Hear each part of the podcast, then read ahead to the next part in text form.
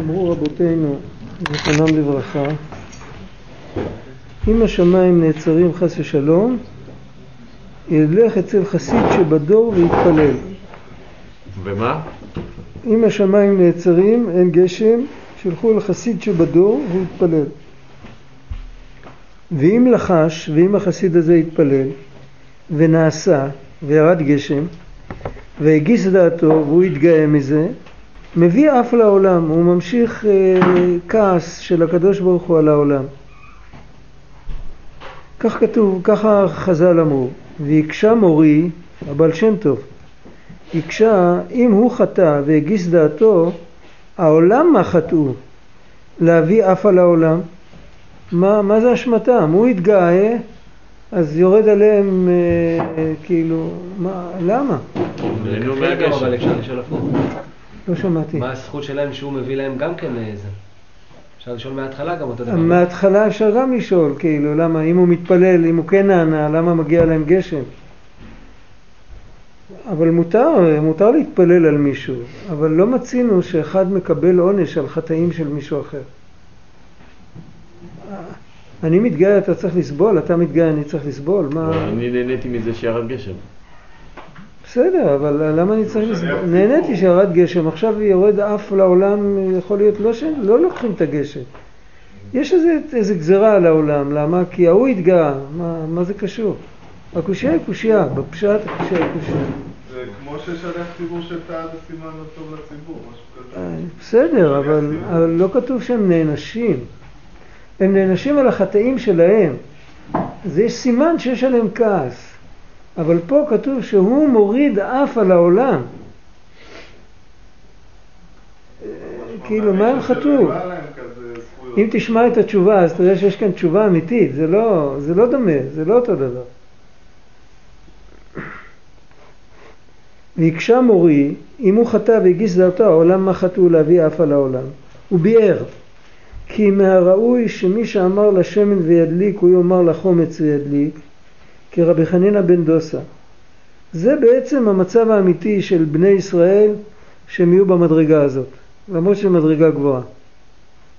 ואם היו כל בני העולם נוהגים בחסידות, לא היה פלא על אחד שאמר לחומץ וידליק.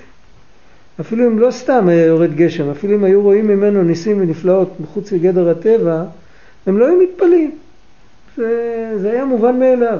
מה יש? החסיד אמר שככה יהיה, אז נהיה. כי היו כולם עושים כך. אם כולם היו עושים, היה, היה דור שכולם חסידים, כולם עושים נפלאות, וזהו. מה שאין כן מחמת שבני אדם הולכים בשרירות ליבם הרע, ואינו לא עולה להם זעקים ליחיד בדורו, שאם נענה בתפילה הוא דבר נפלא בעיניהם, אז זאת אומרת שהמצב של הדור הוא, הוא, לא, הוא לא נכון, הוא לא מכוון. לכך מגיס זה דעתו. למה הוא מתגאה? סך הכל מה הוא עשה? הוא התפלל והשם שמע את התפילה שלו, יש מה להתגאות? מה, מה יש מה להתגאות? אם אתה בא למישהו ואתה מבקש והוא נותן לך, אתה מתגאה? הוא יכול להתגאות שהוא נתן לך, מה אתה מתגאה על זה? הוא ביקשת, הוא נתן לך. מה יש מה להתגאות פה? כנראה ביקשת יפה. כנראה ביקשת יפה. אוקיי, בסדר. אבל בדרך כלל אתה מבקש, אתה מקבל, נכון? אה, לא תמיד, בסדר. אבל, אבל היות שאנחנו כולנו בכלל לא חיים את הקשר עם הקדוש ברוך הוא, אז כשאנחנו רואים מישהו מתפלל וזה מתקיים, אז אצלנו זה, אנחנו זוקפים גבות, כאילו, וואי וואי איזה פלא, ראית? זאת אומרת שבגלל המדרגה הנמוכה שלנו, הוא מתגאה. אז הוא מגיע לו ולנו מגיע גם. זה ברור עכשיו, זו תשובה מדויקת. אם כן הוא בסיבת דורו ובני עולם, לכך מביא אף בעולם. ועל זה כותב התלמיד, רבי יעקב יוסף, כותב, בדברי פי חכם חן. העולה מזה, עד כאן זה הקטע הזה מהבעל שם טוב. גד, מה הכוונה בדברי פי חכם חן? זה פסוק. במשלי, דברי פי חכם חן ושפתיים יישק, זה, כי זה, זה שבח למי שאמר דבר נכון. זה כמו יישר כוח. העולה מזה, מחמת שהוא נוהג בתורה וחסידות יותר במה שאין העולם נוהג בו, יש מקום להגיס דעתו. זאת אומרת, כל אחד צריך להיזהר. אם נגיד אחד מניח רבנותם במקום שאף אחד לא מניח רבנותם, אז הוא צריך מיד להיזהר שהוא לא יגיע לגאווה ולהתפארות וליהירות וכל זה. אפילו בדבר מעשי, פשוט. זה לא מדרגה. ואם הוא כן מגיס, מגיס דעתו, זה גורם חס ושלום להביא חרון אף בעולם, כנזכר לעיל. ולפעמים הוא כפשוטו. לפעמים הכוונה פשוט שזה מי שעוסק בתורה או תפילה ושק וצום ובכי, אחר כך כשיוצא לאוויר העולם ורואה בני אדם שאינם נוהגים כך, הוא מעורר דין עליהם, כנזכר לעיל. מה שאין כן כשהוא במדרגה זו שיוכל להיות מעורב עם הבריות. זאת אומרת, מה העצה לזה? העצה לזה שהוא יהיה במדרגה הרבה יותר גבוהה. שהוא גם יוכל להיות מעורב עם הבריות ולייחד ייחודים בסיפורי דברים עמהם ושאר עסקים שיודע בכל דרכיך דאהו ולא בלבד בעוסקו בתורה ותפילה. אם יהודי נמצא במדרגה כזאת שהוא מחזיק בפנימיות מחשבתו את הקדוש ברוך הוא גם מתי שהוא מדבר עם בני אדם אז הוא לא מקפיד על בני אדם שרואה אותם עוסקים בענייני העולם בגלל שהוא חושב שגם הם מחזיקים במחשבה את הקדוש ברוך הוא. זה השנה הנוספת של רבי שמעון בר יוחאי במערה. יכול להיות.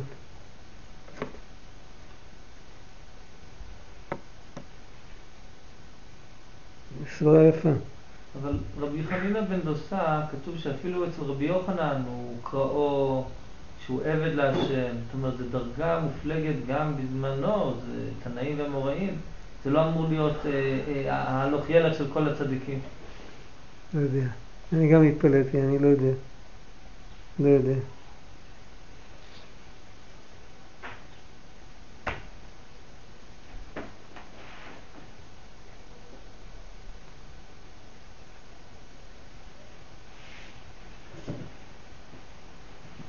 אם כן, יוכל להיות, ככה הוא חושב, שגם בני העולם בעוסקם בחיי שעה אינם מניחים חיי עולם. ומה כן? להיות מחשבתם דבוקה בו יתברך כמוהו, ויוכל לדונם לכף זכות על דרך זה גם כן. זאת אומרת, כמו שהוא יודע מעצמו שמתי שהוא מתעסק עם ענייני העולם הוא דבוק בהשם, אז הוא יכול לחשוב ככה על אחרים. ממילא הוא לא מתגאה, הוא לא מגיס דעתו. מה שאין כן כשאינו במדרגה הזאת, אינו יכול לדון העולם לכף זכות על מדרגה שהוא אינו בו, לא עולה בדעתו, כאילו, הוא לא מכיר עבודה כזאת. אז הוא יודע שמתי שלומדים ומתפללים נמצאים בתחום של הקדושה, מתי שיוצאים החוצה לרחוב, אז נמצאים ברחוב. אז הוא מקפיד עליהם, למה הם כל כך הרבה ברחוב? וזה ודאי שאם הוא יכיר כזה מדרגה, אולי זה תיקונו, שאולי הם יותר ממנו, אדרבה. גם יכול להיות. אבל זה הובן כוונת מאמר רבותינו זכרונם לברכה. לעולם יהיה אדם רך כקנה, דהיינו להיות הולך ובא עם כל הרוחות. מה פירוש? שייתן לב שגם במדרגה של כל אחד יכול להיות בו עבודת השם יתברך, לא בלבד בעסקו בתורה ותפילה. כי יוכל ייקח מהם מוסר לעצמו לעבודת השם. זה נקרא שהוא רך כקנה, הוא יכל לקחת מהם מוסר לעצמו לעבודת השם. ולא יהיה קשה כארז. ולהיות קשה כארז היינו שאינו ערב עליו הנהגת חבריו, רק הנהגת עצמו. אחד שהוא קשה כארז אז הוא כאילו הוא צומח ישר ועם הארז עולה עם שפיץ ישר למעלה והם כולם כאילו מטפסים, מחפשים מה להישען, כל מיני צמחים מטפסים כאלה. אז הוא כועס עליהם, הוא אומר תהיו כמוני, ת... וזה לא, לא דרך. וכאשר שמעתי מהרבנים מאורן וכולו שם, זה הוא כותב שהוא שמע את זה מרבי נחמן אורודנקר, כנראה גם בשם הבעל שם טוב. זה צריך להסתכל בפנים, כתוב כאן וכולו, יש כאן איזה דבר שהוא לא גמר אותו. יכול להיות ששם יש עוד איזה דוגמה או איזה משל או משהו. זהו, זה קטע אחד.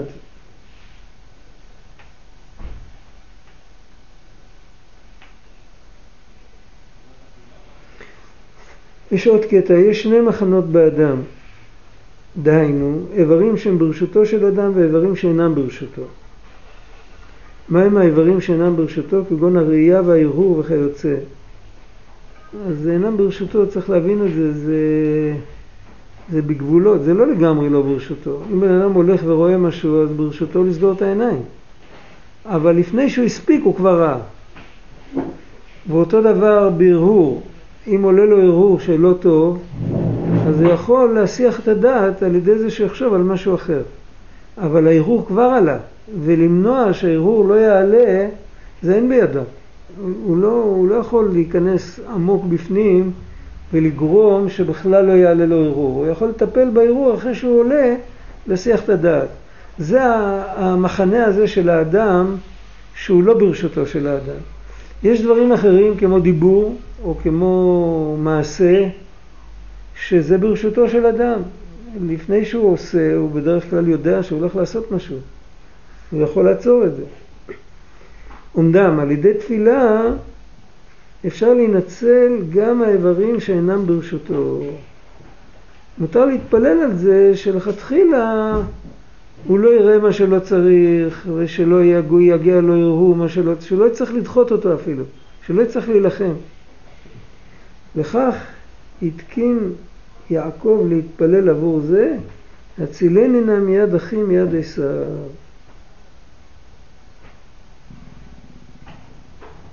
אז כתוב כאן הלשון שיעקב התקין להתפלל עבור זה, הצילני נא מיד אחי מיד עשיו. זו תפילה שכל אחד צריך לומר אותה. ו... אחי ועשיו זה האיברים שהם לא... זה שהם... המחנה, זה הקליפות. ו, ויש עוד, יש עוד, יש מרבי פנחס מקורץ, הוא גם היה תלמיד של הבעל שם, שיש ממנו, יש כמה, יש לפחות שני ספרים שכתבו התלמידים שלו בשמו, ובאחד מהם כתוב שיהודי צריך כל יום להתפלל נחני בדרך אמת. מה שאליעזר עבד אברהם מתפלל, יהודי צריך להתפלל כל יום נחני בדרך אמת, כי, כי זה ממש, זה לא בידו, זאת אומרת, ההבדל הדק בין אמת לשקר הוא לא תמיד לגמרי בידו של אדם. לפעמים בן אדם טועה, ועל זה הוא צריך תפילות. בקיצור, על מה שלא בידינו ודאי צריך תפילות. גם על מה שבידינו צריך הרבה תפילות, הרבה סייעתא דשמיא, אבל על זה אי אפשר לצאת ידי חובה עם תפילות. מה שבידך צריך לעשות. כתוב שהקדוש ברוך בהתחלה אברהם ואחרי זה אברהם, שהמליך אותו אה, כן, כן, נכון, נכון, נכון. נכון. על מה שאין לאדם שליטה. מה שייך תפילה על משהו שהוא לא, כאילו, אם כן, זה מן הסתם מונחה על ידי הקדוש ברוך הוא לאדם, לא? כן, כן, אבל אוקיי. אבל שייך שכל אחד יתפלל במצב שלו, במדרגה שלו. אה, מה רציתי להגיד? לא יודע.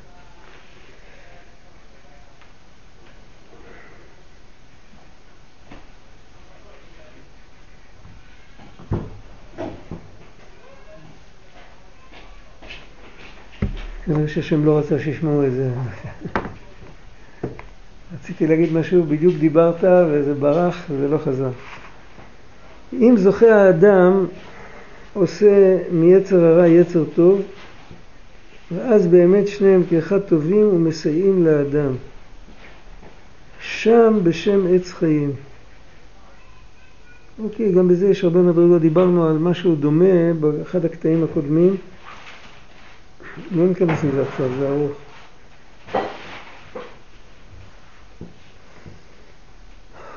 טוב, עכשיו יש עוד קטע, זה עין הרע, זה קטע שאפשר ללמוד אותו כמה ימים. יש בית סוגים בעבודת השם יתברך. סוג אחד הוא שצריך האדם לתאר מחשבתו תחילה ואחר כך יעשה מעשה המצווה. כמו שאנחנו יודעים שכל מי שהולך לעבוד בבית המקדש, כהן שהולך לעבוד בבית המקדש, אפילו אם לא ידוע לו שום טומאה, כל מי שהולך לעבוד, טובל קודם, זה ההלכה. אה, כי ככה מעלה עשו בקודשים, הוא חייב לטבול. אז אותו דבר, יהודי, ש... יהודי שהולך לקיים את רצון השם, אז אה, כאן לא מדובר על טבילה בגשמיות, אבל הוא צריך לטהר את המחשבה שלו. ובלתאר את המחשבה שלו יש כמה וכמה אופנים. יש אופן לתאר את המחשבה שלו, מחשבת זרות. אה, בואו בוא לא נתחיל להתפלפל יותר מדי. באופן כללי יש שלוש אופנים של לתאר את המחשבה. יש אופן אחד של לתאר את המחשבה שהוא, שהוא, לא, שהוא לא יחשוב דברים אחרים מתי שהוא מתפלל או מתי שהוא עושה מצווה, שיחשוב על מה שהוא עושה. לא, לא להתעסק עם דברים אחרים. יש אופן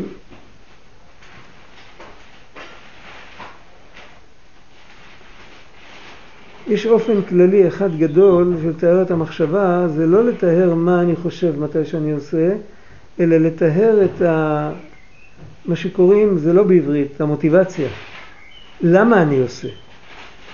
זה גם, זה גם לתאר את המחשבה, זה כמו שנגיד לעשות את המצווה לשם שמיים, לא לשם פניות. זה, זה שני אופנים, ויש עוד אופן לא יודע, לא יודע איך להסביר אותו. או, אולי, זה, אולי זה יגיע בהמשך. זה שיש עוד אופן. אז קודם כל שיתאר את המחשבה, וזה יכול לקחת זמן. בפרט האופן השני, האופן הראשון לתאר את המחשבה, לא לחשוב על דברים אחרים, זה פונקציה של עייפות הרבה פעמים. בן אדם עייף אז הוא לא מחזיק את הראש. אם הוא לא עייף אז, אז הוא יכול להתרכז, זה פונקציה של ריכוז, זה משהו טכני. להחזיק את הראש על המילים, להחזיק את הראש על זה שעכשיו יש לו תפילין בראשו ובזרועו, שיש לו ציצית בבגדו, אבל uh, לתאר את המחשבה מפנייה, למה אני, את, למה אני עושה את המעשה שאני עושה, למה אני מדבר את הדיבור שאני מדבר, האם באמת לשם שמיים או בשביל כל מיני סיבות אחרות, זה כבר, uh, זה כבר בירור, זה כבר לוקח יותר זמן. ואז אחרי זה הוא עושה את המצווה בין בעובדה בין במילולה שיהיה זכה וטהורה בלי שום פנייה חיצונית. כמבוא בשח על התורה כי צריך שיעשה המצווה בלי שום פנייה חיצונית. שאם ילבישם חומריות נשארו בזה העולם ולא ילכו עמו לעולם הבא. יש כאילו אם יש כוונה זרה ב- בלימוד או בתפילה בשני האופנים שדיברנו, גם במוטיבציה וגם ב... יהודי מדבר אומר תקע בשופר גדול לחירותנו והוא חושב, אה, הוא חושב איך הוא יגבה חובו מפלוני או משהו כזה באותו זמן, אז המחשבה הזרה לא נותנת ל, ל, למילים לעלות. זה לא אומר שהתפילה הזאת היא, היא פסולה, היא כאילו, היא, היא, היא נזרקת לפח. התפילה קיימת. אבל הוא צריך להתפלל עוד פעם את אותה ברכה כדי שהתפילה הזאת תעלה. התפילה הזאת עומדת ב stand by, היא נשארת למטה, ככה האריז"ל אומר. שאם בן אדם אה, מתפלל פעם בכוונה, אז הוא מעלה את כל התפילות שהוא התפלל בלא כוונה. מה הכוונה שהוא התפלל בלא כוונה? למה הוא מתפלל בלא כוונה? אבל את המילים הוא אמר, והשם שומע תפילת כל פה. אז באיזה, נכון, האינפורמציה הזאת שהנה ראובן התפלל עכשיו, זה עולה למעלה, וכמה שהוא צריך לקבל שכר על תפילה בלא כוונה, הוא יקבל. וכמה שהוא צריך לקבל על הראש על תפילה בלא כוונה, הוא גם יקבל. כל דבר עולה, אבל התפילה לא עלתה, עלתה האינפורמציה על אודות התפילה, זה ברור. התפילה עצמה, זה כמו שהגמרא מתארת את הבגד צמר שנאחז בקוצים, שהוא נתפס שם. התפילה נתפסת בקוצים, בסטרא אחרא, בדברים האלה. ש... אבל אם בן אדם לא מתייאש, הוא מתפלל עוד פעם את אותה תפילה, ואז הוא כן מכוון, אז אותה ברכה שעכשיו הוא מכוון, היא לוקחת איתה גם את התפילה ההיא, כי התפילה היא הייתה, היא הייתה תפילה כשרה, היא לא הייתה, היא לא הייתה עם כוונה לא ראויה. יש לפעמים תפילות שנפסלות לגמרי, הכף החיים מביא, אני לא זוכר ממי הוא מביא את זה, הוא אומר, לפעמים בן אדם מתפלל שלפלוני שפתח שם חנות מולו, יהיה לו מפלה. זה תפילה שנדחית. לפעמים בן אדם מתפלל והתפילה מתקבלת, אבל היא עדיין לא נענית. יש לפעמים שהיא עדיין לא מתקבלת כי מחכים שהוא יתפלל עוד פעם בכוונה. יש לפעמים שהיא כבר כן מתקבלת, אבל היא עדיין לא נענית כי הבן אדם עוד לא הגיע למדרגה שהוא יכול לקבל את השפע שהוא מקבל. אם הוא מקבל את זה היום זה יפריע לו, זה יזיק לו. הוא צריך לעבור דרך סוגיה של סבלנות, שאז על ידי זה הוא עולה בדרגה, בזה שהוא לא מקבל והוא לא מקטר והוא לא זה, בזה הוא עולה בדרגה, ואז הוא יוכל לקבל את השפע. ויש תפילות שנענות. זה, זה כף החיים, זה קטע בהלכות תפילה, אני לא זוכר באיזה סימן הוא מביא את זה. יכול להיות שראיתם את זה פעם. אז, אז אנחנו רואים שיש הרבה, יש, יש הרבה מצבים בתפילות שהם כאילו, ואותו דבר במעשה מצווה, כשבן אדם עושה מצווה, לעולם יעסוק אדם בתורה ומצוות שלא לשמן, שמתוך שלא לשמן בא לשמן, כמובן שאם הוא עושה את זה לשם שמיים, אז זה עולה באיזשהו מקום. כל יהודי אוהב את השם על איזשהו רמה. אז כשהוא עושה מצווה, אז אפילו שהוא לא מודע לזה שהוא אוהב את השם, המצווה שלו עולה לאן שהיא עולה. אם הוא אוהב את השם בהתלהבות גדולה, אז המצווה עולה יותר גבוה. ואם אין לו, אין לו, אין לו שום התלהבות ושום דבר, אז גם, אז אה, זה, גם יש לו עדיין נשמה בפנים, וזה גם מגיע לאן שזה מגיע. תמיד זה מגיע לאנשהו. אבל אם הוא עושה את זה עם כוונה זרה, אם זה מבוסס על רצון להתכבד או להתייקר או דברים כאלה, אז הכוונה לא נותנת לזה להשתחרר. ואז זה נשאר למטה. ואז הבן אדם צריך לחזור בתשובה על הפנייה שלו ולבקש מחילה. ואז הוא יכול לשחרר את זה. ואז אם הוא יתפלל עוד פעם את אותה תפילה, אז זה כבר יעלה לאן שזה יעלה.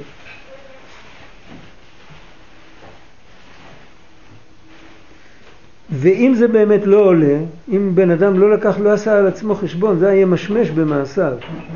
הוא צריך לבדוק את המעשים שלו, איך הם נראים, ואם הוא, הוא לא, לא עושה חשבון אף פעם, אז זה לא עולה, לא עולה עמו לעולם הבא, ואז אין לו לבוש בעולם הבא.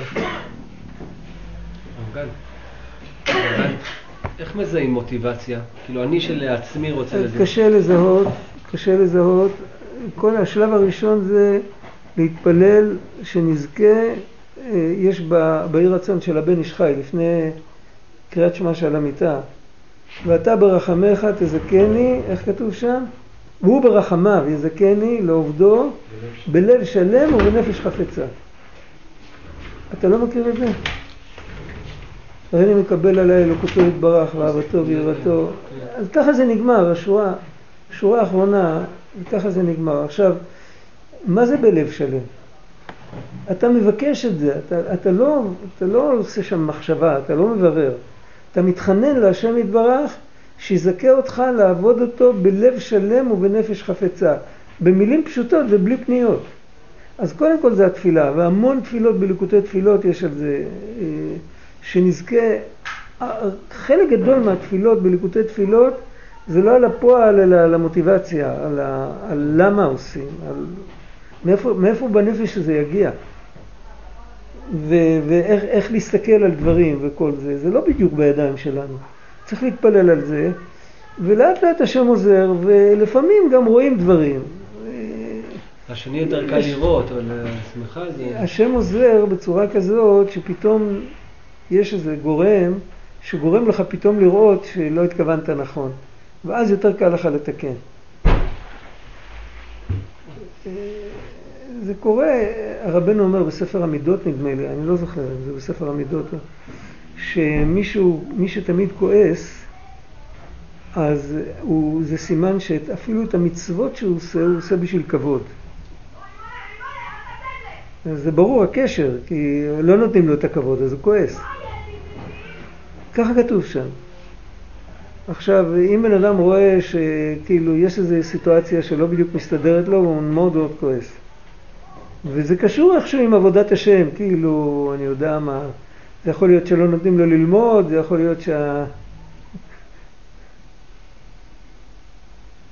החזן הוא כאילו הונגרי. לא יודע, זה יכול להיות כל מיני, כל מיני דברים הזויים. ו, ו, אז יכול להיות שזה מפריע, זה בסדר גמור, כל אחד אוהב את מה שהוא אוהב. אבל למה אני כועס? למה אני לוקח את זה אישית? אם אני כועס, סימן שיש שם איזה נקודה, זה ברור, המוטיבציה שלי היא לא נקייה לגמרי. אם, אם המוטיבציה הייתה נקייה, אז הייתי מתחבר לאן שאני מתחבר, והיה פח, הרבה פחות מפריע לי. וסיפרתי את הסיפור על אותו זקן שסיפר שהיה יתום, ושהוא הלך, הוא היה בורח מהחדר, ילד בן שמונה. היה הולך לשוק לראות איך עובדים, היה שם רחוב של פחחים. וכשמלחימים פח עם בדיל או עם נחושת, אז צריך לנקות אותו מהגריז, מהחלודה, מה... אז הוא היה עומד ומסתכל והיה אומר, בגיל שמונה כבר למדתי שאיפה שלא נקי זה לא מתחבר. אז זה ברור, אז יש כל מיני, רק מה, צריך הרבה רחמים שהקדוש ברוך הוא יארגן לנו את, ה... את הסיטואציה, שבאמת נראה, הרבה פעמים אה, הכל בסדר, אז לא רואים, זה ברור. זה קורה הרבה פעמים ב... בליל הסדר, אה, נגיד, כתוב שלהתחיל מוקדם, שהתינוקות לא יישנו, או שזה קורה לפעמים בקריאת המגילה, למה יש כל כך הרבה רעש, אולי אני לא אשמע מילה אחת. בסדר, תקנה מגילה כשרה שיהיה לך, אם אתה מחמיר, אבל אל, אל תשפוך את חמתך על כל הציבור. אבל לא, אבל יש, לפעמים הקדושה מתבטאת עם כעסים ועם דינים ועם... שם הבן אדם, זה, זה חדשות טובות. כי זה יכל להיות שהכל יסתדר לו ככה שהוא לא יצטרך לכעוס. אבל הוא כעסן. רק בדיוק הסתדר לו, בדיוק היה מישהו ש... היה איזה כעסן תורן אחר שהשתיק את הבית הכנסת והוא יכל לשבת בשקט בצד. אז הוא, גם, אז הוא גם שמע כל מילה וגם לא כעס, אתה מבין? הוא צדיק גמור. אבל אם הוא בכל אופן כועס, אז זה חדשות טובות, כי אז הוא יכול, הוא יכול להיווכח שיש לו בלב פניות, שהוא בעצם, בעצם מרגיז אותו. היה פעם מישהו שאמר, זה דבר מאוד חשוב להבין את זה. מכירים את הזקנים האלה שתמיד צועקים על אלה שמדברים בית כנסת? הם מקיימים מצווה, כתוב בשולחן ערוך שמישהו מדבר בבית כנסת בשעת התפילה, צריך לגעור בו. עכשיו מישהו פעם ניגש לזקן כזה ואמר לו, תנסה פעם להסתכל דרך החלון, מתי שאתה לא בבית הכנסת, להסתכל על מי שמדבר בתפילה ותבדוק בלב שלך אם זה מפריע לך אותו דבר כמו שמתי שאתה בפנים. אם זה... מה הוא אמר לו לעשות? תעמוד מהחלון, תסתכל, תראה אם מישהו מדבר בתפילה בבית כנסת, אם זה מפריע לך באותו מקום בלב, כמו מתי שאתה לידו, מתי שאתה בפנים. אם זה בגלל שבשולחן ערוך כתוב שצריך לגעור בו, סימן שזה נקי. אבל אם זה בגלל, אם זה לא אותו דבר, אז, אז יש כאן משהו אחר. כאילו, לידי אתה מדבר? אתה לא רואה את הזקן הלבן שלי? כאילו, מה? זה מפריע לו להתפלל, מה? בחוץ הוא גם מתפלל, זה לא הנקודה. זה, אם אחד זה בגלל שזה מפריע לו להתפלל, זה בסדר. אף אחד, הוא לא מתפלל עכשיו.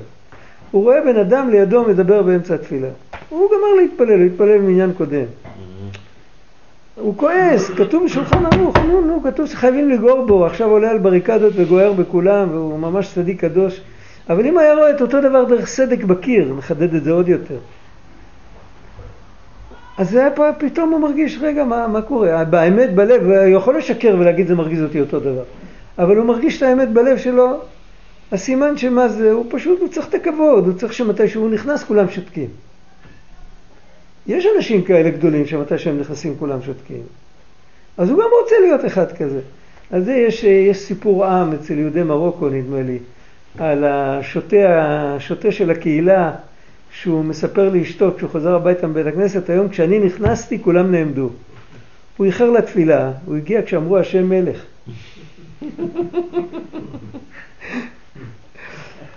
אז אה, צריך להבין, לפעמים זה טוב כשבן אדם רואה את הצד הלא נכון כדי שיוכל לתקן אותו. זה, זה צריך לשמוח, יש אנשים שנכנסים בזה לדיכאון. מה, הם, מה זה אומר? זה אומר שהם היו רוצים להמשיך לרמות את עצמם כל החיים. מה אתה מרוויח? כאילו, תן לי להמשיך לעשן, אל תראה לי סרט שזה שורף את הרעות שלי. מה אתה מרוויח? אבל מעניין שזה מתגלה לא, לא ישר, כאילו, לפעמים פתאום אתה אחרי שנים יכול להתגלות איזה... נכון, נכון. אז נכון, זה, נכון, איפה זה היה? נכון. זה נסתר. זה היה, זה היה באיזשהו מקום, ועכשיו שזה התגלה, אתה יכול לתקן את זה. השם ריחם עליך, במקום לגלות את זה רק אחרי 120 שנה, אתה מגלה את זה עכשיו. זה פריבילגיה, צריך להתייחס לזה כאל חדשות טובות. אז הרוע שמתגלה זה אפשרות לצעקה, זה נותן לי הכרה פנימית למה אני צריך לתקן. זה משקף, או שדרך זה אני יכול להכיר מה הבורא עולם רוצה, או כמה שאני שקר. מה נפקא מינה, אני לא יודע. איך שכל אחד מבין, זה, מה זה חשוב.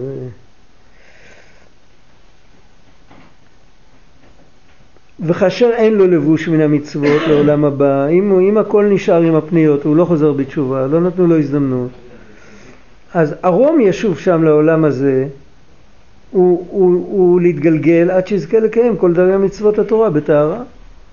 זה דרך אחת שהוא מתאר, כן? שבן אדם צריך לדאוג שהוא לא יבוא בגלגול עוד פעם, שהוא יזכה לתקן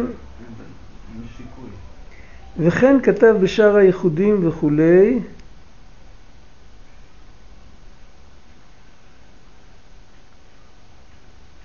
היה, היה ספר שנקרא שאר הכוונות של רב מאיר פפוריש. הוא היה תלמיד של רב חיים ויטל נדמה לי, אני לא יודע, מי מכיר את ההיסטוריה בדיוק? לא כל כך, זה היה, היה באירופה, זה היה מאוד מצוי, וחלק מהספר הזה קראו לו שאר הייחודים. יש הרבה, הספר הזה לא מצוי היום, אולי רק בספריות, הרבה ציטוטים מהתלמידה בעל שם טוב שהם כותבים עיין בשער הייחודים, עיין בשער הנבואה, וזה הכל שערים בספר הזה, ויש גם שערי נבואה בספרים שיש בידינו, ואנחנו, ההפניות הן לא, הן לא, כאילו, אתה לא מוצא, אבל כל פנים ככה כתוב שם.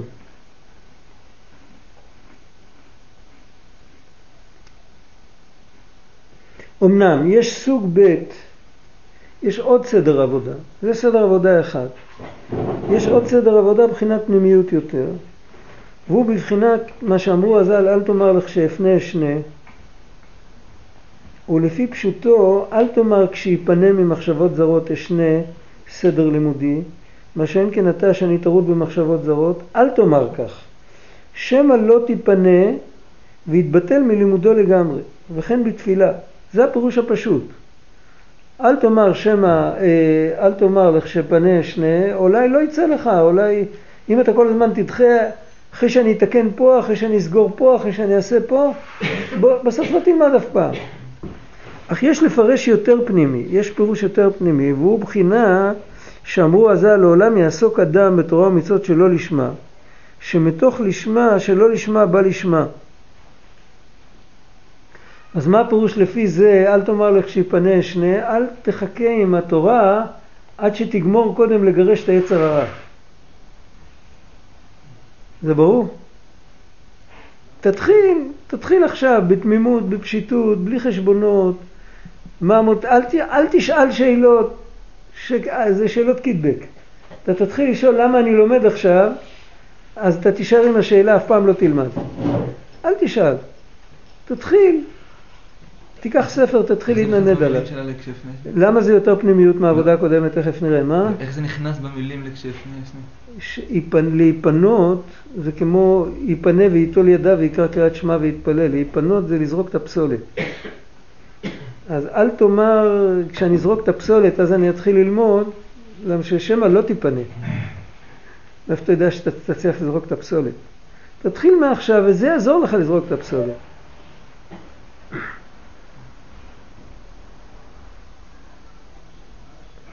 אז הוא מסביר, זה הכותרת כאילו, עכשיו הוא מתחיל להסביר, כי היצר הרע והיצר הטוב הם אויבים זה לזה. וכאשר כעבור, כעבור קרוב אחד להיות מנוצח, אז הוא מתגבר ומתחזק ביותר. ברגע, ברגע האחרון שלו הוא אין גיבור כמתייאש, הוא רואה שהולכים לגמור עליו ומי יודע אם אז נוכל, על כן אם יתחיל להסיר תחילה פנייה חיצונית, להתגרות עם היצר הרע, לרצות שולחן נקי כאילו זה, זה להתגרות עם היצר הרע. כאילו אתה לא רוצה, אתה מחפש להתחיל ללמוד מתי שלא תחפש כבוד ולא תחפש שישימו לב אליך ולא... אתה עכשיו הולך חזיתית להילחם מהיצר הרע שלך. אז מתחזק כנגדו ביותר, וזהו, אל תאמר לך שיפנה מכל פנייה חיצונית, אז אתחיל לשנות וללמוד, שמא לא תיפנה, כי אז מתגרה בו יצר רע ביותר. וכולו עיין פנים, עוד פעם, חסר פה קטע.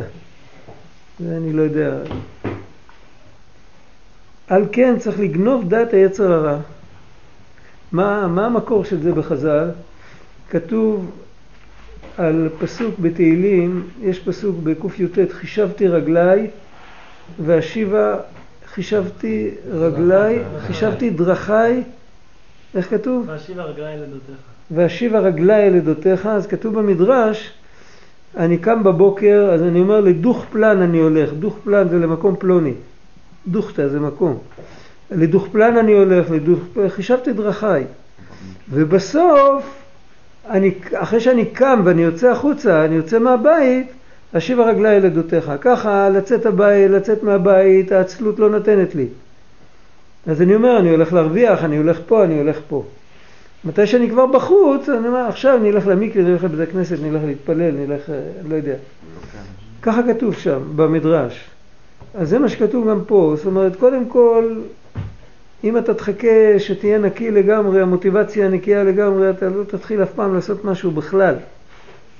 אז אל תדאג עכשיו לעולם הבא, אם יהיה לך לבוש, אל תדאג לגלגול הבא, תדאג לקיים שולחן ערוך. כתוב לא לבטל תורה, תתחיל ללמוד, אל תעשה חשבונות. בלי לבדוק את המוטיבציה. ונראה אחר כך. אז זה כמו חישבתי דרכיי, ואחר כך בסוף אשיב הרגלי ילדותיך. זה תתחיל ללמוד או תתחיל לעשות? זה תתחיל ללמוד או תתחיל לעשות? יש מה שנגיד מישהו שהוא סתם לא עושה כלום, עדיף שיתחיל לזוז, לעשות משהו, ואחרי זה גם יתחיל ללמוד. לא יודע מה הוא אומר. הוא שואל אם קודם כל להתחיל אה, אה, לעשות או להתחיל ללמוד. לא. אם אתה נגיד לא עושה כלום, נכון? לא, לא יש לו פירוש אחר על לא, הקושייה לא, שלו. לא. יש לו פשט אחר. תגיד בקול. אתה צריך להתחיל לעשות ואז, אחרי זה ללמוד? זה מה שהתכוונת? ואז אחרי זה ללמוד. כאילו העיקר זה קודם להתחיל לעשות, ללמוד, הוא לא מדבר עכשיו על לימוד ועשייה. אז מה זה עדותיך? השיבה רגלי לדותיך זה המדרש מסיים שהוא הולך לבית המקדש, שהוא הולך דוד המלך אמר את זה. ובמה הוא מתחיל? הוא, הוא לא מדבר דווקא על לימוד, הוא מדבר על עצם זה, על כל עבודת השם, כולה. אם, אם בשביל ללמוד צריך ללכת, אז יכול להיות שזה לימוד. אבל הוא מדבר על רגלי לא, כ, לא כמשל, אלא כ, כ, כפשוטו. בן אדם אין לו חשק לצאת מהבית. בוא נגיד יורד שלג בחוץ, אני יודע מה, אין לו חשק לצאת. עכשיו, בכל אופן, אני יודע, נגמר לו הלחם, הוא צריך לקפוץ לצרכנייה להביא לחם. אז הוא לוקח את המעיל והוא יוצא החוצה. זה לא מתאים לקיץ לדבר על זה. הוא לוקח את המעיל ויוצא החוצה, עכשיו שהוא כבר בחוץ, אז הוא אומר, אז, אז הוא ילך קודם למנחה, הוא יתפלל, ובין מנחה לערבית הוא יקפוץ להביא את הלחם. זה מה שהמד... ככה המדרש מתאר את הפסוק. זה ואשיב הרגלי. ואם הוא לא יצא, אם, הוא, אם, הוא, אם לא היה לו את, ה, את, ה, את המוטיבציה הזאת ללכת לקנות את הלחם, הוא לא יצא מהבית, היה מתפלל יחיד. זה הדוגמה של המדרש. זה ברור, הוא לא מתייחס שם לדיוק של עדותיך, ואתה יכול גם לשאול למה פה כתוב רגליי, פה כתוב דר, דרכיי, וכאילו לא, בלי, בלי, בלי כל הפלפול הזה, סתם כפשוטו. על כן צריך לגנוב דעת היצר הרע. הבעל שם טוב אמר שהיצר הרע נקרא כסיל, אז צריך להשתמש בזה שהוא נקרא כסיל ולרמות אותו. אפשר לעבוד עליו. ישתתף עמו בתחילה ואחר כך יתגבר כארי ויעשה לשמה. וזה מבחינת בא אחיך במרמה, למה יעקב בא במרמה נגד עשיו? זה רמז שאנחנו צריכים לבוא במרמה נגד היצר הרע. וכן שמעתי ממורי, אה הנה פה הוא מביא את זה, אני לא ידעתי שזה כתוב פה. אני זוכר את זה מהשיעורים של מוישה קרמר, הוא, הוא מצטט הרבה פעמים קטעים מהתולדות יעקב יוסף, חבל על הזמן, הוא כנראה בקיא בזה בעל פה. ש... אני זכרתי את זה ממנו. וכן שמעתי ממורי, חישבתי דרכיי, ואשיבה רגלי אל עדותיך, שיהיה התחלת תורה ותפילה ומצוות עם היצר הרע שלא לשמה, ובזה לא יקטרג עליו היצר הרע ויוכל לגמור לשמה.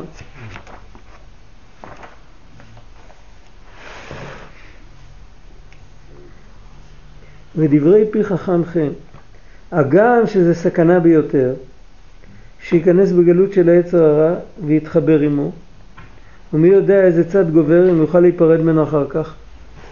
בינתיים בכל אופן הוא הולך על חבל דק, הוא הולך על... על וכל שכן בכוונת, אני לא יודע אם צריך לגרוס פה כעניין סכנת נפילת אפיים או בעניין סכנת נפילת אפיים. כתוב שמתי שהכוונה הפנימית של נפילת אפיים,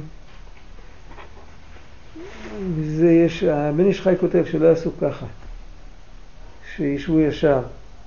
למה? כי, כי הכוונה של זה שמורידים את הראש, הכוונה שברוחניות זה לרדת אל תוך העולם של הקליפות ולהוציא משם את הניצוצות. ככה הבן אדם, הוא מוציא את הניצוצות, הוא לא, הוא כאילו נוגע, הוא נוגע ואינו נוגע, כביכול, הוא לא מתערב איתן. אבל בנפילת אפיים, אז הוא ממש, הוא מוסר את נפשו, ובכלל, כל העניין של התשובה, כל העניין של וידוי, רק בנפילת אפיים עושים עוד מעשה סמלי שמורידים את הראש. אז uh, הוא כותב, ודאי שכל אדם ייזהר שלא להוריד את הראש, ככה בן איש חי כותב. יש בזה סכנה. היו כאלה שאמרו שהסכנה זה דווקא אם אומרים פרק כ"ה בתהילים. יש בנפילת אפיים יש שלוש נוסחאות. יש אה, פרק כ"ה בתהילים, יש פרק ו' בתהילים, ויש אה, פסוקים מלוקטים מספר עזרא, שזה עוד, עוד נוסח של נפילת אפיים. יש שלוש נוסחאות מרכזיות בנפילת אפיים. ואז יש אומרים שדווקא אם אומרים את ה... את ה לך השם נפשי אשא, על זה מדובר בזוהר, ש... אז זה סכנה, אם אומרים את זה ומורידים את הראש, אז זה סכנה. אז, אז היו כאלה שבגלל זה לא אמרו את זה, אמרו פרק אחר. והיו כאלה שאמרו שזה לא שייך אלינו, זו מדרגה מאוד גבוהה, מדובר על צדיקים, והם צריכים באמת לשבת ישר, אבל אנשים כערכנו, אז אה, גם מורידים את הראש, זה לא עושה שום דבר, וזה לא נורא. וזה... היו בזה כל כך הרבה סברות, איך, איך לעכל את הדיבור הזה, אבל על כל פנים, יש שם איזו סכנה בעניין הזה. בנפילת אפיים, הכוונה הפנימית של נפילת אפיים זה שהיהודי נכנס לטריטוריה שאסור להיכנס לשם, והוא סוחב משם החוצה את כל הדברים הלא, את החיות שהיו בכל הדברים הלא טובים שהוא עשה. כי הדרך הרגילה היא איך, איך מחלישים את הכוח, וזה צריך להסביר את זה כן, חייבים להסביר את זה. אנחנו אמורים להחליש את הכוח של הקליפה על ידי זה שאנחנו לא משתפים איתה פעולה, זאת אומרת לא חושבים עליה, לא נזכרים בה. כל פעם שבן אדם נזכר בדבר לא טוב, צריך, צריך לשמוע, להקשיב טוב מה שאני אומר עכשיו. גם אם אתה חושב שהוא לא טוב, אני לא מדבר על אחד שנזכר בדבר לא טוב והוא חושב כמה זה טוב. אני לא מדבר על אנשים כאלה. בן אדם חושב על דבר לא טוב והוא חושב שזה לא טוב. אף על פי כן, זה כמו, היצר, כמו העבודה זרה של פאור. מה זה העבודה זרה של פאור? מה עשו שם? עשו את הצרכים שם. עצם זה שאתה מתעסק איתו, לא משנה מה שאתה עושה, אתה עושה שם את הצרכים, אבל אתה מתעסק איתו, בזה אתה עושה ממנו עבודה זרה, בזה אתה מגדיל אותו. אל תתעסק איתו. על האמר כוליסי זורקים אבנים. עכשיו, אפילו אם מישהו זרק עליו אבנים כדי לבזות אותו, הוא לא חייב מיתה, כי לא נקרא, הוא לא התכוון לעבוד, אבל הוא עשה, הוא עשה פגם. כי, כי קליפות בכלל, סור מרע זה לסור, להתרחק. והדבר הראשון זה שבן אדם, לעשות התחלה חדשה, לא משנה שלפני שתי דקות חטאתי, קודם כל יעזוב רשע דרכו, שילך על דרך החדשה, על דרך אחרת. איש אבן מחשבותיו, שיעזוב את המחשבות, שיעזוב את הזה. אם יהיה, הוא ילך בדרך חדשה הרבה זמן, ועכשיו הוא יוכל להיזכר בעבירות שהוא עשה לפני עשרים שנה, וזה כבר לא יכול להזיק לו יותר, כי הוא כבר רחוק משם, אז ישוב אל השם וירחמהו, שיתחיל להגיד וידויים וכל זה. אז בעצם בכל וידוי יש סכנה. אנחנו לא מחכים עשרים שנה עד שאנחנו אומרים וידוי. ואנחנו כל יום אומרים פעמיים וידוי. שלוש פעמים וידוי, גם בקריאת שמע של המיטה. אז אני- לזה יש מהחידושי הרים, שהוא אומר שבווידוי צריך להיזהר לא להיכנס לדימויים של החטאים שמדברים עליהם. מה זאת אומרת? רק לדעת רק באופן כללי שעשו אותם, אבל לא להיזכר בהם יותר מדי. כמו לא להיזכר בציורים אה, אה, שאתה שום מתפלל. דבר שעשית, לא משנה אם זה ניאוף או גניבה או גזלה או לשון הרע או רכילות או מה, לא לשחזר את זה, אתה יודע עברית, לא לשחזר את זה. לדעת שהיינו לא בסדר וכאילו לא לחשוב על זה. להסיח את הדעת. להסיח את הדעת, לברוח, כי ברח העם, כמו שברחו מפרעה. אה, כן, ככה זה, זה, זה העניין. ו, ובנפילת אפיים, אז יש לנו פרק שלם שאתה מתיישב, אתה עוד מוריד את הראש, אתה עושה עוד מעשה, מעשה בגשמיות שמראה לאן אתה נכנס, ואז אתה אומר שם כעס, סך הכל שניים שלוש פסוקים בתוך כל הפרק הארוך הזה, שבכמה פסוקים האלה אתה אומר ש... שהיית לא בסדר איכשהו ושאתה צריך, אה, אתה צריך להתנקות מזה. אבל יש כאן סכנה. ו, וכמו שידוע שיש סכנה בנפילת אפיים, אותו דבר יש סכנה בדיבור של לעולם יעסוק אדם בתורה ומצוות שלא לשמה, שמתוך שלא לשמה יבוא לשמה, כי הוא גם נכנס לתוך, הוא נכנס לתוך מוטיבציה שהיא לא הגונה. מי יודע אם הוא יוכל לצאת ממנה. זה גם ממכר קצת. זה ממכר. אה, להיכנס לעבודה ששלא לשמה, יש בזה סוג של לאט לאט זה ממכר. הבן אדם כבר בלי זה, אה, אם כבר, אחד שהתרגל אה, לפידבק כל הזמן, ולקומפלימנטים, ולכל הכבוד, ולכל הדברים האלה, אם בסוף הוא מגיע לחברה שלא נותנת קומפלימנטים, מקבל את הכל כמובן מאליו, הוא מרגיש גרוע, הוא רוצה לברוח משם. הוא, הוא חייב, הוא יתמכר לזה, הוא צריך, זה כמו סם מעורר, הוא לא יכול בלי זה להתעורר. המוטיבציה כבר נמצאת. אה? המוטיבציה נמצאת כל הזמן בבן אדם. יש לו עכשיו בחירה אם לעשות מתוך המוטיבציה הזאת או לא. אבל זה כבר נמצא, מה הפירוש? זה שהוא מחפש כבוד, כן. בסדר. עד שזה לגמרי לא יהיה, אז הוא צריך... היית פה בתחילת השיעור הקודם? באת באמצע. כן. אפשר להכיר מהשאלות של כל אחד מתי הוא הגיע. דיברנו על מה שכתוב בתפילה, אין ארוך לך. אם יהודי מתפלל בכוונה את האין ארוך לך, יודע שכל מה שיש אצל השם יתברך זה... הוא בורא את זה, הוא בורא את זה מכלום. זה כלום לגביו. הוא יכול לבטל את זה בשנייה, הוא יכול לברוא מיליון כאלה בשנייה. אז אה, אם הוא נכנס לזה באמת, אז לאט לאט כל המוטיבציה שלו לכבוד יורדת. וזה באמת, זה קריאת כיוון, זה כאילו, זה צריך להיות אה, מסלול של חיים, זה לא ברגע. בינתיים אנחנו אוהבים כבוד, נכון. וכל הבחירה שלנו רק אם על זה לבסס או על זה לא לבסס. נכון, באמת. אבל אם אנחנו מבססים את המעשים שלנו על הכבוד, אז זה ממכר את העשייה שלנו שבלי כבוד לא נעשה.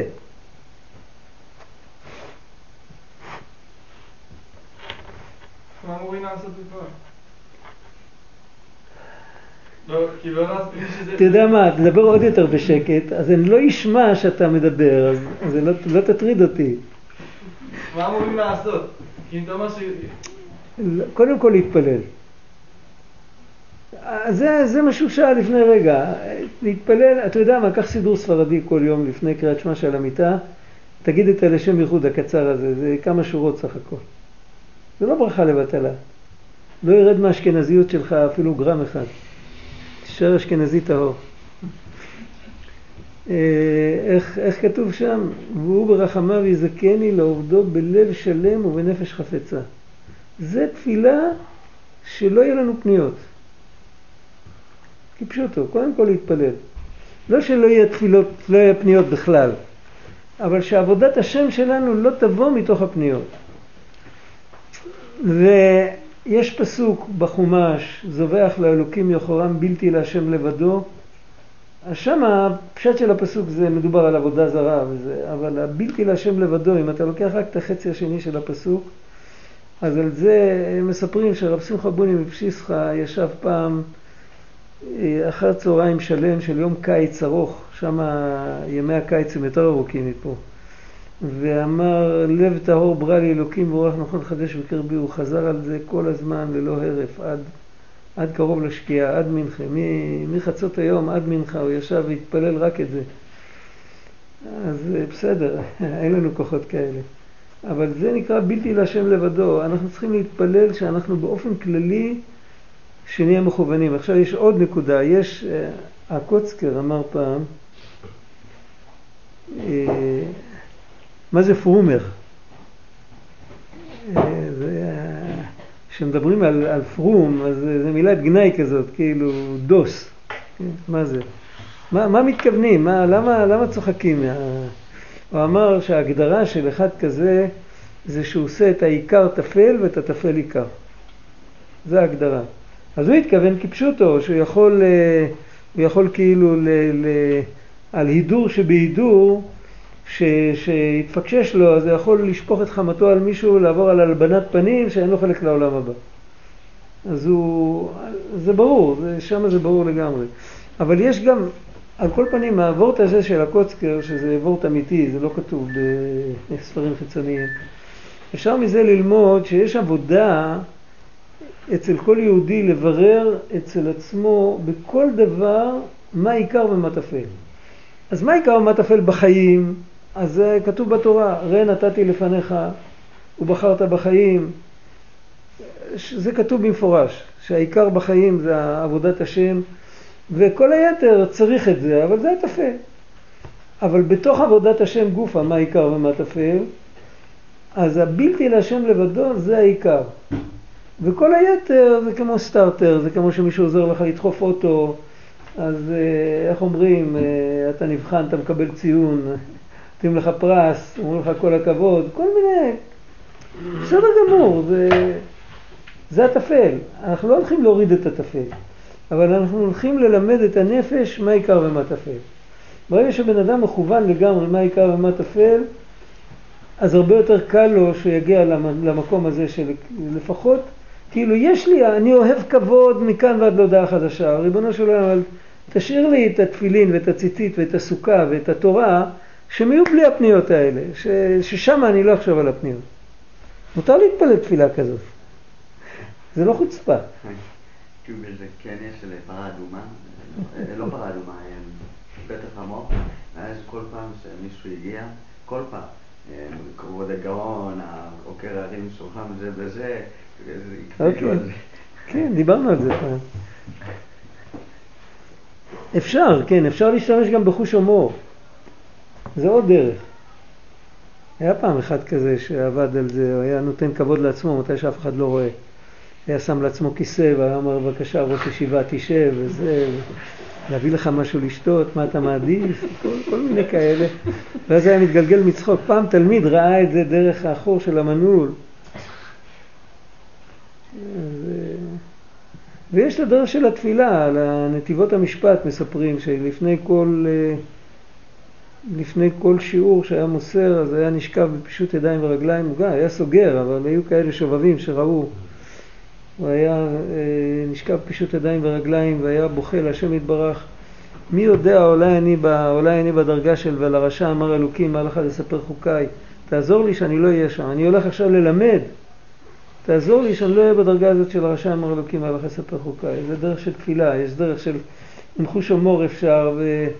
עם הרבה כאילו עם סיפורי צדיקים יש הרבה סיפורים שמכוונים את האדם לנקודה הזאת כל אחד שימצא את הדרך שלו, אבל העיקר זה להתפלל לקבל סייעתא דשמיא.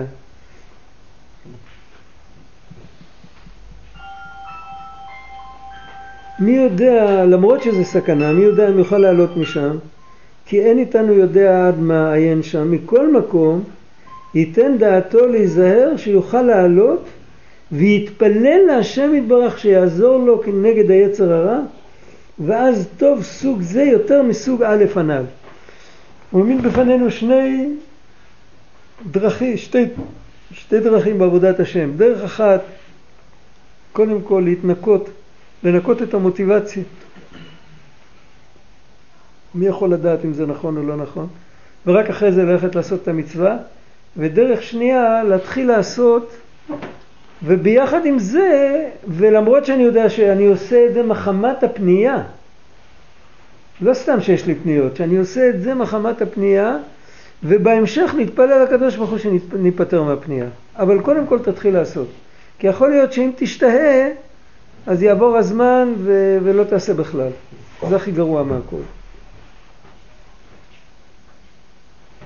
והבן זה היטב. כי זה סוד דאיל ונפיק שהוא בחינה מעולה מיותר ממאן דלא איל כלל, אחד שלא עושה בכלל, הוא בכלל לא נכנס. יש אחד שנכנס ויוצא, בסוף הוא יהיה בפנים. ובזה יובן כמה משניות במסכת אבות וכולו, הוא לא כותב את המשניות. אבל בתולדות יעקב יוסף זה כתוב. אנחנו נשאיר את זה פה, נלך להתפלל. וזה עוד לא נגמר הקטע. זה עוד קיצור, אם היה לנו את הקטע המקורי זה יכול לקחת כמה שבועות.